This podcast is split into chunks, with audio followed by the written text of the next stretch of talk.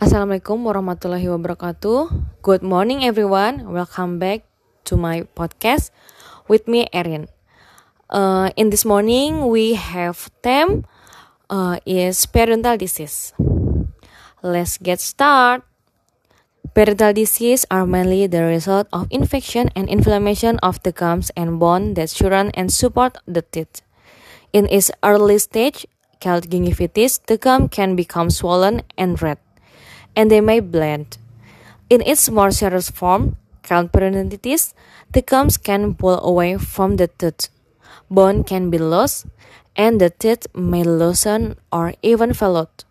Periodontal disease is mostly seen in adults.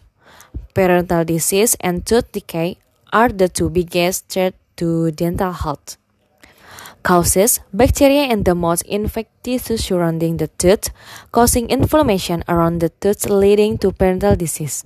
When bacteria stay on the teeth long enough, they form a firm called plaque, which eventually hardens to tartar, also called calculus.